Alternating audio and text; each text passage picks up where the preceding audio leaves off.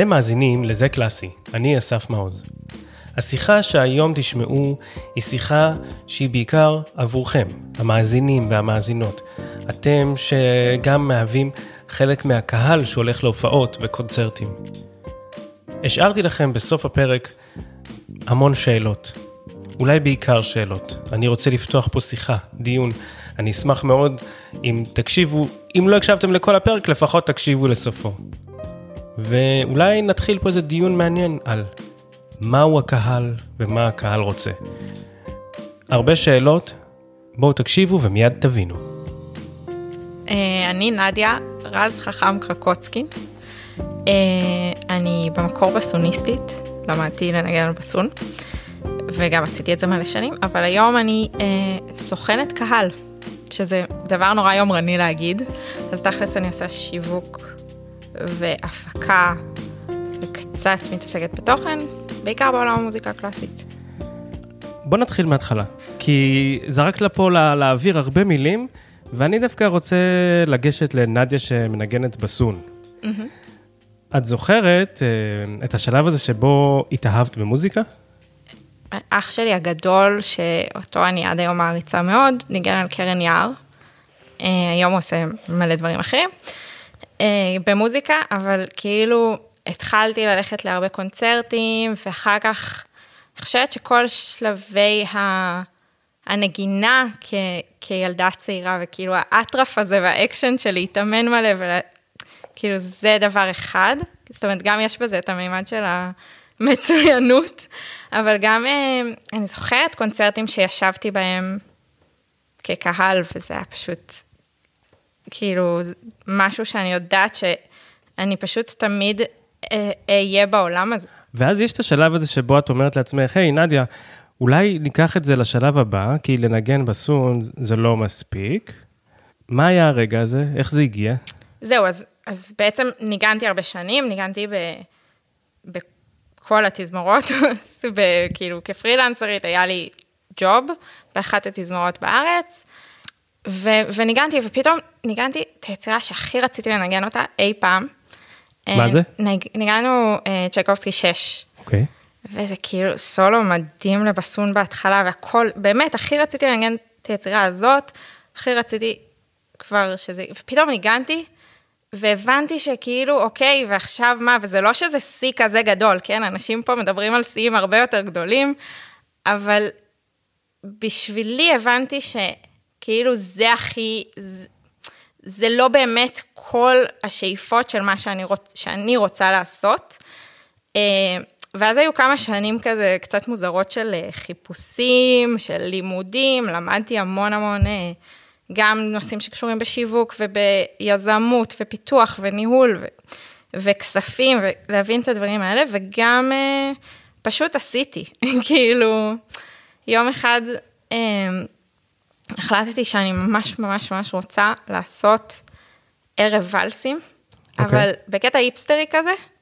ש, שפשוט כאילו, לא יודעת, מלא תל אביבים יבואו ו, וירקדו ולסים. והבנתי שאני רוצה שזה יקרה כנראה בתדר, mm-hmm. שזה בר תל אביבי מאוד גדול, ופשוט חיפשתי אה, את הקשר לאנשים, כתבתי להם בפייסבוק, ופניתי לתזמורת הקאמרית, שאז לא עבדתי שם עדיין, אה, והם רצו לעשות את זה, כאילו, ואז פתאום עשיתי משהו, פתאום נהיה פסטיבל אה, של מוזיקה קלאסית בתדר, פתאום זה קרה, האמת שלא עשיתי כמעט כלום, זה הכל פשוט קרה כי היה לי את הרעיון הזה ורציתי לעשות את זה, והבנתי שזה משמח אותי, ושאין המון דברים כאלה שקורים. זאת אומרת, יש אנשים נפלאים שעובדים בתעשייה, בסצנה מאחורי הקלעים המון שנים, אבל לא היה בדיוק את מה שאני. האמת שזה מאוד מעניין אותי שאמרת את מאחורי הקלעים, כי היום את עובדת הרבה מאחורי הקלעים, אבל כן. כנגנית היית על הבמה. ומעניין אותי התחושה הזו, ההבדל בתחושה בין להיות על הבמה, כולם רואים אותי, לבין להפיק או ליצור אירוע, בתדר לצורך העניין, ואף אחד לא רואה את הפנים שלך. מי שעוסק בעבודה יודע שאת, את אחראית לעניין, אבל איך התחושה הזו? מה ההבדל בתחושה? האמת היא שהמון המון שנים, זאת אומרת, בהתחלה שלי, ממש, אה, ממש הרגשתי צורך להתנצל, כאילו שהרגשתי שאחרים חושבים עליי שאני לוזרית, אה, ש, שאני כאילו מפיקה, התחלתי כמפיקה, אה, לאט לאט למדתי גם שיווק וזה גם נוסף לשם, אבל כאילו שזה כזה לא, מס, לא מספיק טובה בשביל לנגן, אז עושה דברים, והיום זה, זה ממש לא ככה. אה, אה, אתה יודע, עצם זה שאני פה יושבת ויש לי מה לדבר על מוזיקה כנגנית, לא הייתה לי את ההזדמנות באמת לדבר על הדברים. וזה זה נכון, יש פה כאילו מלחמות אגו של להיות על הבמה ולהיות מחוץ לבמה, ואני סבלתי כנגנית תזמורת. אה, גם לא רק כנגנית תזמורת, גם כשעשיתי מוזיקה כמה, כאילו סבלתי, סבלתי מ, מלראות שדברים לא מאורגנים כמו שצריך לפעמים, ו... את חושבת שאנחנו כמוזיקאים ממהרים לשפוט אחרים שאולי כמוך, נגיד היית מוזיקאית, פעילה, טובה, ועשית, אפילו זה לא הסבת מקצוע, אלא פשוט בחרת דרך אחרת באותו עולם, בעולם המוזיקה. אנחנו ממהרים לשפוט כי, כי זה קל לנו לשפוט? אני אקח את התשובה לשני צדדים. Okay. אוקיי. אחד, אה, זה גם משהו שלי לגמרי. זאת אומרת, אני כנגנית הייתי כל כך עסוקה בחרדות ובמה חושבים עליי, וכאילו להתחיל לנגן בגיל נורא צעיר ולהיכנס נורא צעיר לכל המסגרות המצוינות ש, שמעודדות רק הצלחות וכזה, יש בזה משהו שגורם לחרדות גם. אז, אז אני לוקחת גם את כל המה חשבו עליי לתוך, ה, לתוך המקום הזה, ש... זה לא רק מה, זה לא באמת אומר שאחרים חשבו עליי שאני לוזרית, זה אני חשבתי שאחרים חושבים עליי שאני לוזרית. Uh, האם, uh, אני חושבת שהרבה פעמים לא בדיוק יודעים מה זה אומר להיות מאחורי הקלעים. זאת אומרת, הרבה פעמים אני מקבלת ביקורת של אנשים, um,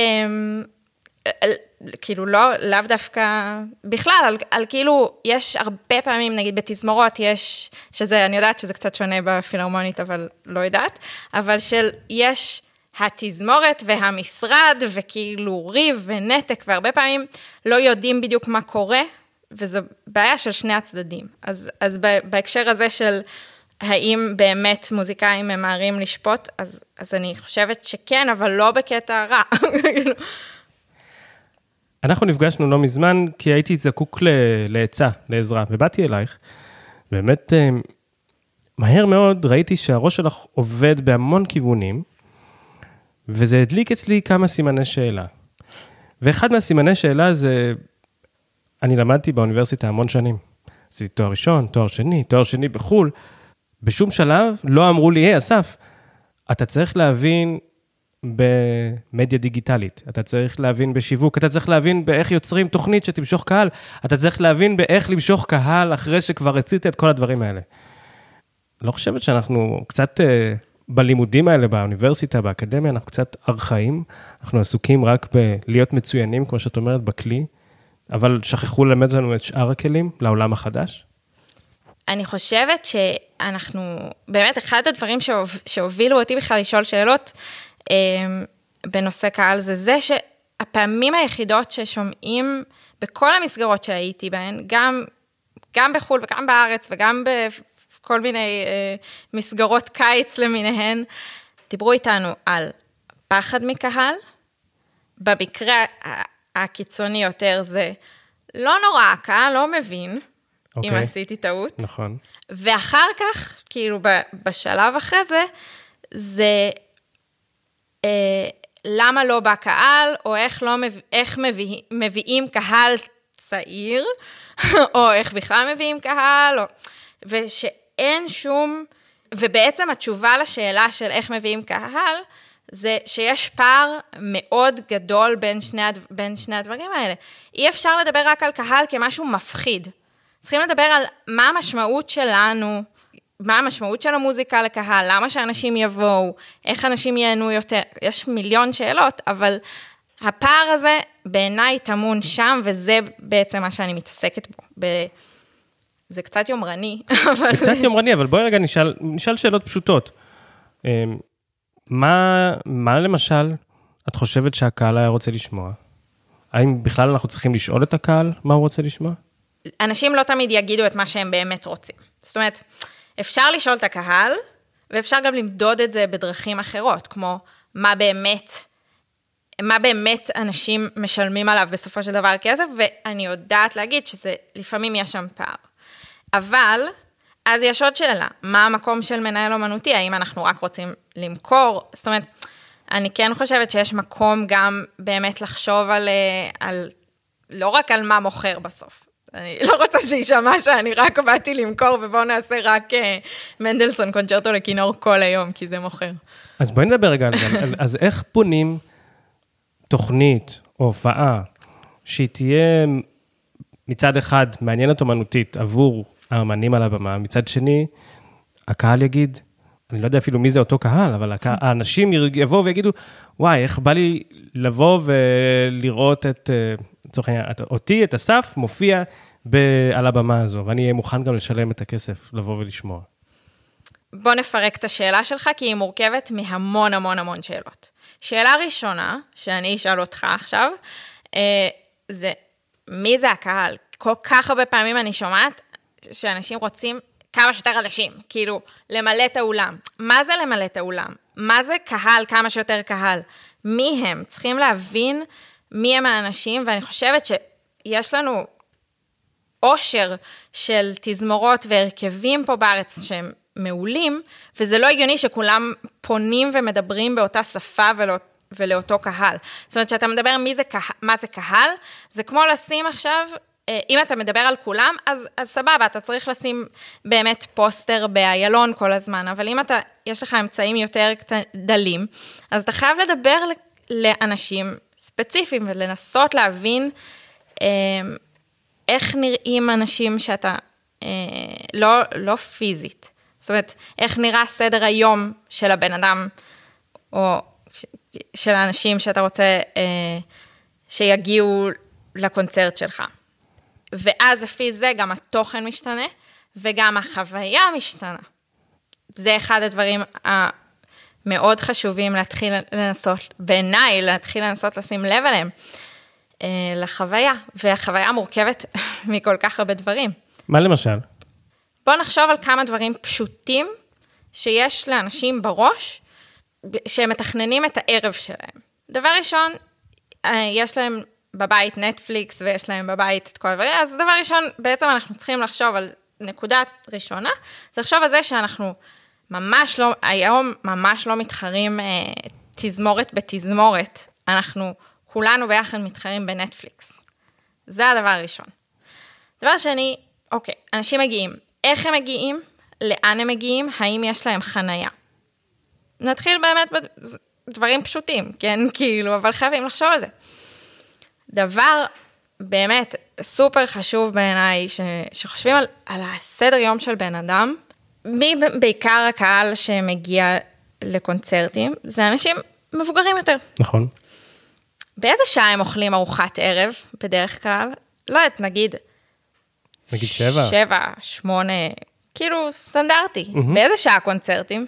שמונה, שמונה וחצי. מתי הם צריכים לאכול ארוחת ערב בשביל להגיע לקונצרט? אוקיי. Okay.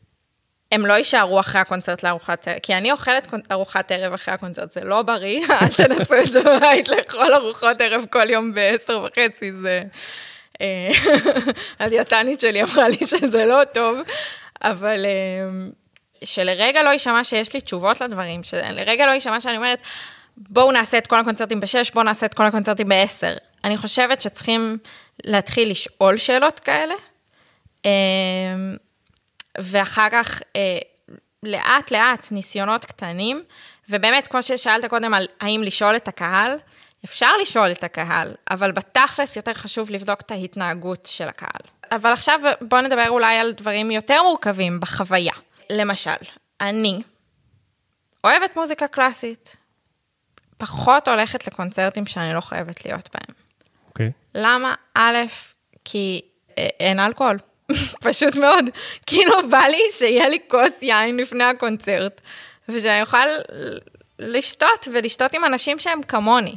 וכשאין אנשים כמוני בקונצרט, אז... אוקיי. Okay. זה יותר קשה להביא עוד אנשים כמוני. נכון. אה, אז, אז באמת מקום כזה, ש, ש, לא יודעת, דוכן קטן של יין, כאילו, וזה קשה לארגן את זה, באמת, זה קשה לארגן את זה. מאוד מסובך. כאילו, שם יש איזה מכרז על ההוא ועל ההוא, בסוף כאילו באים לרעתנו וכל הדברים. סתם, אבל זה, זה עניין אחד, האם יש חושך בקונצרט, האם יש אור, אם שמים איזה מוזיקה לפני, כשאנשים מתיישבים. איך, איך, מג... איך אה, נותנים לאנשים את הכרטיס, נכון, היום זה דיגיטלי, אבל מה קורה? מה קורה בכל אחד מהשלבים שאנשים אה, מגיעים אליהם מהרגע ש... שהם חושבים בכלל על הרעיון של ללכת לקונצרט, ועד שהם חוזרים הביתה, כולל איך שהם יוצאים החוצה מהחנייה.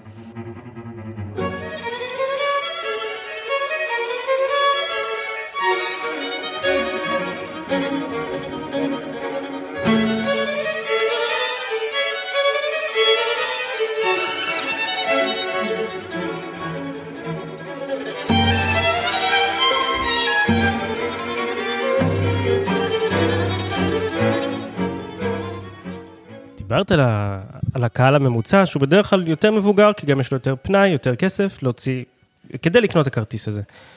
אבל השאיפה, תמיד מדברים על זה, זה, הרי אצלנו רואים הרבה שיער שיבה, ואני רוצה לראות קהל צעיר. מי זה הקהל הצעיר הזה, ואיך אני מצליח, אני, ככלל, כ, כגוף שמופיע, איך אני מביא אותו? זאת אומרת, איך, למה, למה שהוא ירצה לבוא אליי בכלל? אה, אז קודם כל זה, שוב, זה יהיה יומרני מצידי לנסות לענות על השאלה, כאילו, בוא, בוא נשים את זה זה, אני מנסה, אני עובדת, לפעמים מצליחה, אז כאילו שלא יהיה שיש לי איזה מתכון אה, בטוח וזה. חבל, אבל חבל. באמת, באמת, שזו שאלה ששואלים בכל העולם, בארצות מסוימות מצליחים, כאילו, אם היינו מצליחים ככה היינו שמחים, אבל הם עדיין שואלים את השאלה הזאת. אני אתחיל בעצם השאלה. זאת אומרת, איך מביאים קהל צעיר? אני כקהל צעיר אה, לא רוצה להיות קהל צעיר שמביאים אותו. אני רוצה הרבה יותר מזה. כאילו, אני רוצה ערב נעים וסבבה, וכאילו, אני עובדת נורא קשה. אני, אנשים בגילנו, הייטקיסטים, אה, לא יודעת מה, עובדים נורא קשה, כולם עובדים נורא קשה, זה נורא יקר לחיות כאן. ובסוף אנחנו צריכים, בשביל לצאת ערב מהבית, צריך להיות לך כיף, צריך להיות לך טוב וצריך להיות לך נעים. אז, אז, אז לחשוב איך לעשות לאנשים נעים וטוב. ואיכשהו הנעים וטוב הזה לא מתקשר בהכרח להופעה, לקונצרט.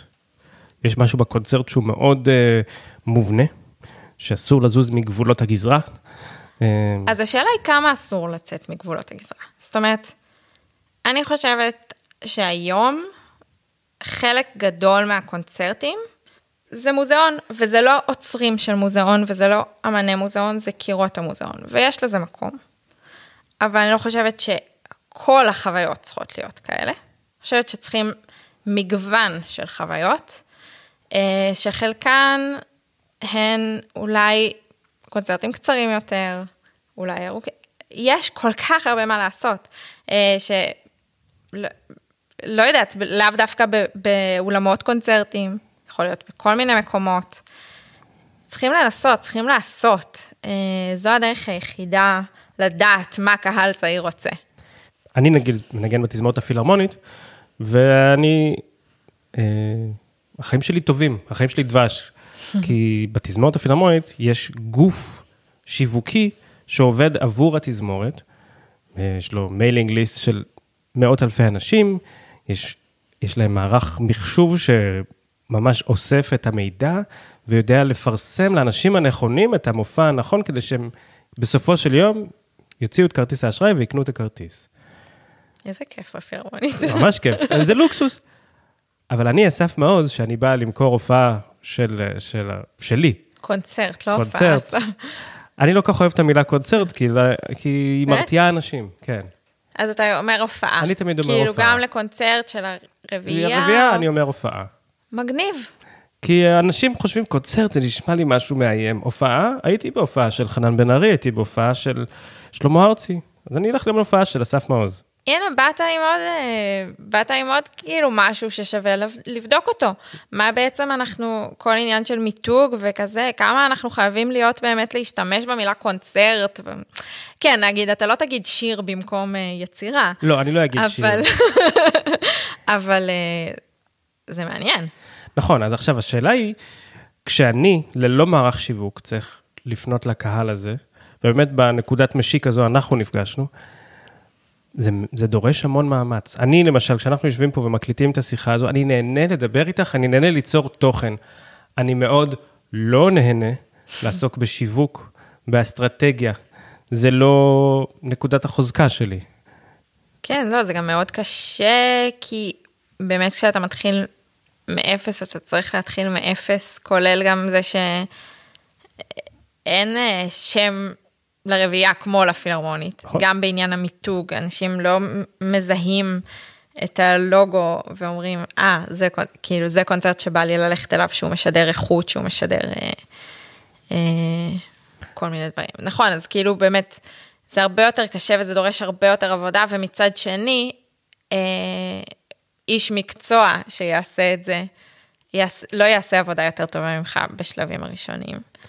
אני תוהה עבור המאזינים, אני משאיר שאלה פתוחה, אני אפילו לא יודע אם יש לזה תשובה. מה הם, או אנחנו, כקהל עתידי, היינו רוצים שיקרה כדי שהחוויה הזו שאת מדברת עליה, היא תהיה מושלמת, טובה יותר.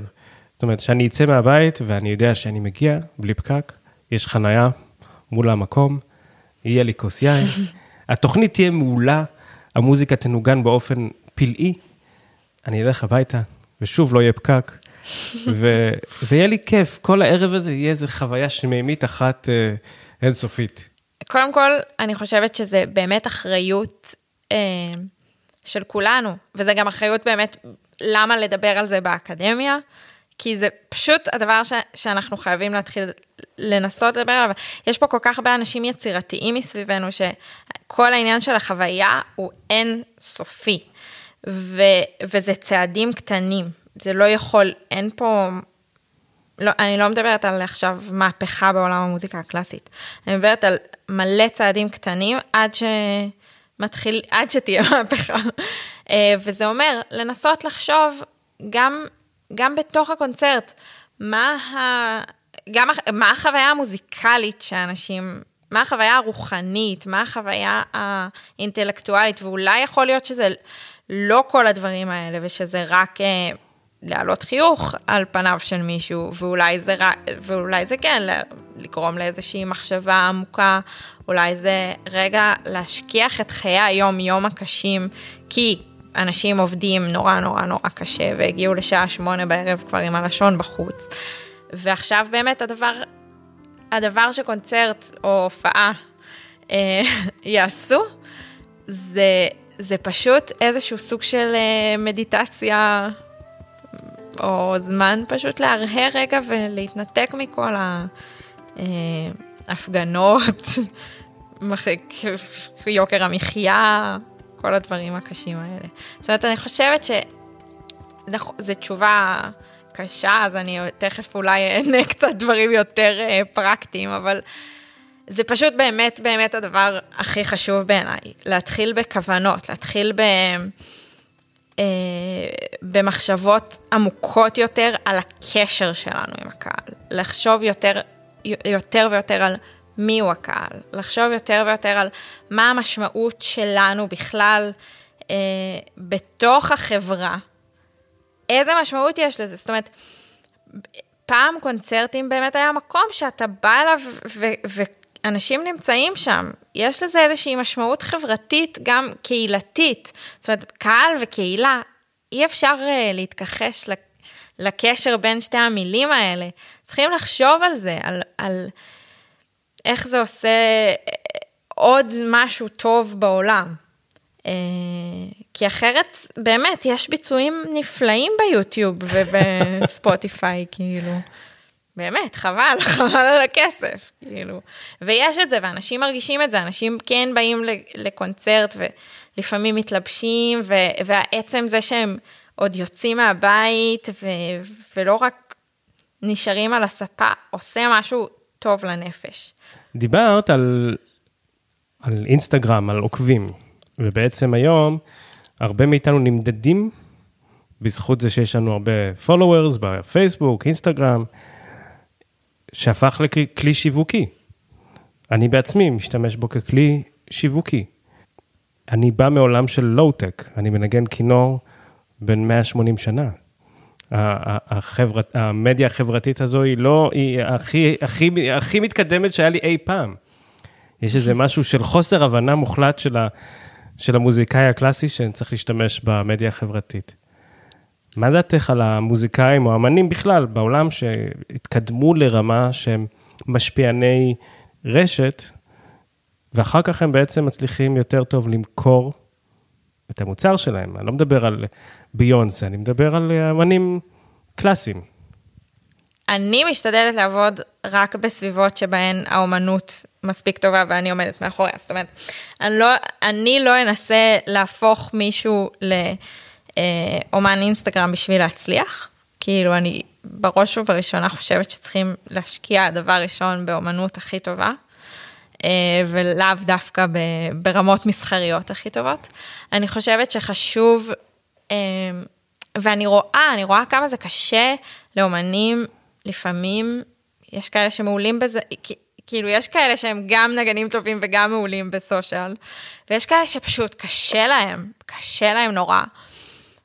אז אני קודם כל חושבת שצריכים לדבר רגע, קודם זה חשוב, זה חשוב פייסבוק, אינסטגרם זה חשוב. עכשיו, אתה לא צריך 50 אלף עוקבים בשביל באמת להצליח. מה זה, הצלחה היום, זה דווקא בזכות האינטרנט, יכולה להיות הרבה יותר קטנה ולהיות מורגשת הרבה יותר מאשר פעם.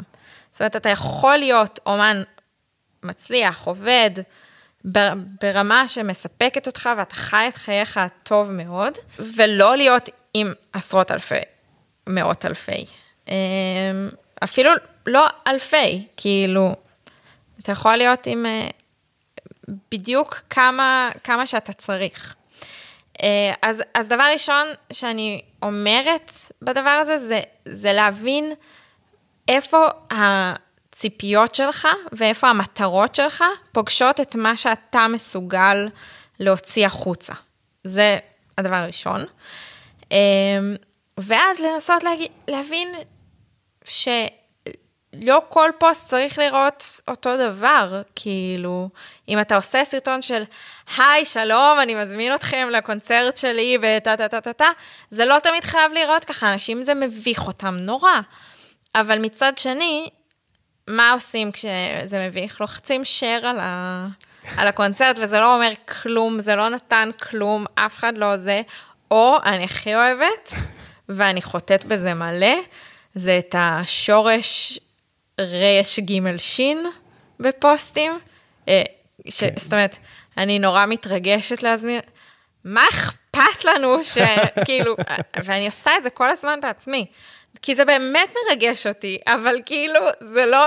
זה כבר לא מרגש. כן, כאילו, כולם מתרגשים, כאילו, בסדר, אנחנו לא קונצרט סיום מגמה, כאילו. סבבה, באנו לעבוד רגע, יש קונצרט יפה, בואו כי יש קונצרט יפה.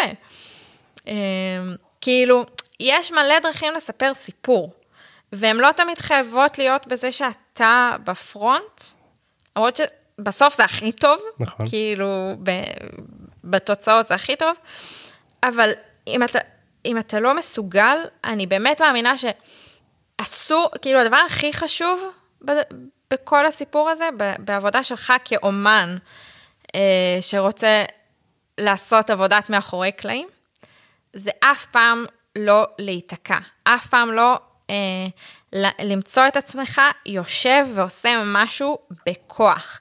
זה יכול להיות שאתה עושה outsourcing, זה יכול להיות שאתה כאומן מספיק יצירתי ומוצא דרך אחרת לעשות את, הדבר הזה, כי כאילו... יש איזושהי דרך שחושבים שבה צריכים לעשות הפקה ובה צריכים לעשות שיווק ולמכור כרטיסים ומנויים וכזה וכזה וכאילו כל מיני אה, מוסדות שנש, שנשתמרו כל כך הרבה שנים. ו, ואל תיתקע, כאילו אתה רוצה לא יודעת, שואלים אותי, לעשות אתר, לעשות זה, כן, הכל חשוב, אבל בסוף אתה בן אדם אחד, ואתה צריך לבחור איפה להשקיע את המשאבים שלך. אז להתחיל לעשות, פשוט להתחיל לעשות במה שכרגע מרגיש לך שיהיה לך הכי קל, או הכי יעיל וקל, כאילו לעשות איזשהו תמהיל בין יעיל וקל. תראי, את בחורה שעושה המון. את לא, את לא, זאת אומרת, את קצת כמו איזה אנרג'ייזר בניק כזה, את כל הזמן רצה. לא, אני, אני אומר את זה בהערכה ממש גדולה. ואני סקרן. נדיה של עוד עשר שנים, ואיפה את תהיי? את תהיי, מה תעשי אז? אה, האמת שמה שאני הכי אוהבת ב... איך שהתגלגלו החיים שלי, זה שאני יכולה להגיד מלא דברים, אבל זה אף פעם לא, לא מה שיהיה. אני מקווה שסוף סוף יהיה קונצרט ואלסים. אני מקווה שאני אוכל לענות על שאלות יותר גדולות על קהל, אני מקווה שיהיו לי יותר כלים לחקור ול, וללמוד על קהל ועל קשר ולעשות אה, אומנות ש, שהיא עושה טוב בעולם, כאילו זה מה שאני מקווה. לא יודעת איך, איך הפורמט של זה. כל דבר כרגע מרגיש לי, באמת, בגלל שכאילו אני יוצרת פה מכלום, כל דבר כרגע מרגיש לי כמו איזה כיף שזה יקרה, אז, אז פשוט הכותרת זה שנעשה טוב. תודה רבה לנדיה רז על השיחה הזו, שהעלתה אצלי המון שאלות, ואולי גם אצלכם, ואולי לכם יש גם את התשובות. אני מאוד אשמח לשמוע מכם. אתם יכולים לכתוב לי בעמוד הפייסבוק, זה קלאסי, או במייל שנמצא בתיאור הפרק, ואני מאוד אשמח אה, לשיתופים. שתפו אותי, שתפו אותנו בדברים שחשובים לכם או שמציקים לכם. אולי ככה נוכל לקדם, ליצור משהו חדש. אז אה, רגע לפני שמסיימים, תקשיבו לזה. טוב, עכשיו זה אני פתחתי את המיקרופון שוב. היי, זה שוב אני. אה, החלטנו עכשיו, כאילו, סיימנו להקליט את הפרק, כן. אה, ואסף שאל אותי, הוא אמר לי שהוא לא בטוח איך הוא הולך לפרסם את הפרק הזה, והוא התחיל לדבר איתי על קהל, ואז אמרתי, בוא נדליק רגע שוב את המיקרופון. אז, קדימה, אז, אז, תגידי. אז כאילו התחלת לדבר על אה, הקהל שלך הוא, אז את... אתם, מי אתם? המאזינים שלי, לפי מה שאני יודע בערך, רובם הם אוהבי מוזיקה, וחלק לא מועט הם מוזיקאים, מוזיקאים שחיים בישראל או בחו"ל ומאזינים לפודקאסט. האמת שאני, אני, הדלקנו שוב את המיקרופון, כי מבחינתי הדבר הכי מרתק שיכול לצאת מהפרק הזה, זה שיחה בינינו, נדיה ואסף, והמאזינים, על איזו חוויה הם היו רוצים לחוות. מה הייתה החוויה שהייתה משמחת אותם, או פחות משמחת אותם. ה-do's and don't של, שעבורכם, המאזינים, שחלקכם אני פוגש גם מדי פעם בהופעות, mm-hmm.